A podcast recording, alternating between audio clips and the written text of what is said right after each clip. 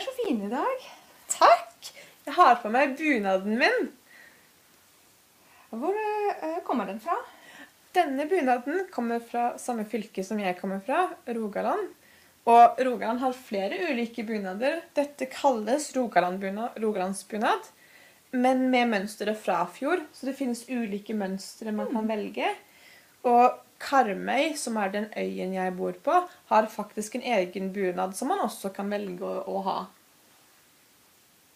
Så de fleste steder i Norge har en eller annen variant av bunad. Inkludert eh, de som er samiske. De har da samekofte og sin nasjonaldrakt. Er det, er det håndlagd? Ja, og bunad er ganske dyrt pga. at eh, den er både håndsydd og håndbrodert. Eh, inkludert alle broderier på skjorten og sjalet og forkle. Så det er mye arbeid i å sy en bunad. Derfor er de også ganske dyre. Så eh, denne ville koste ca. rundt 40 000, inkludert sølv. Så det at de fleste bunader har sølv som tilbehør, gjør også at det koster en del å kjøpe en bunad.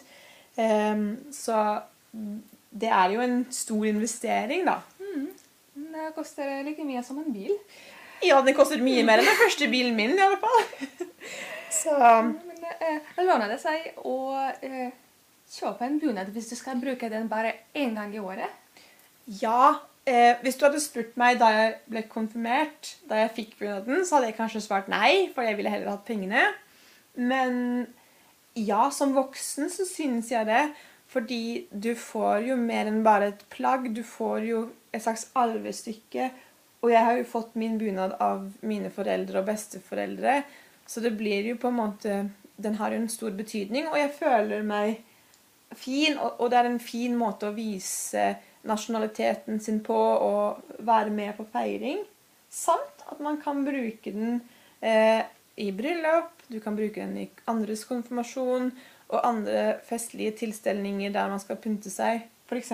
også som gallaantrekk. Så kjøper du en bunad, slipper du å tenke på andre fine klær. Ja, så totalt sett så kan du faktisk spare inn en del kjoler på sikt. Ja, anbefales.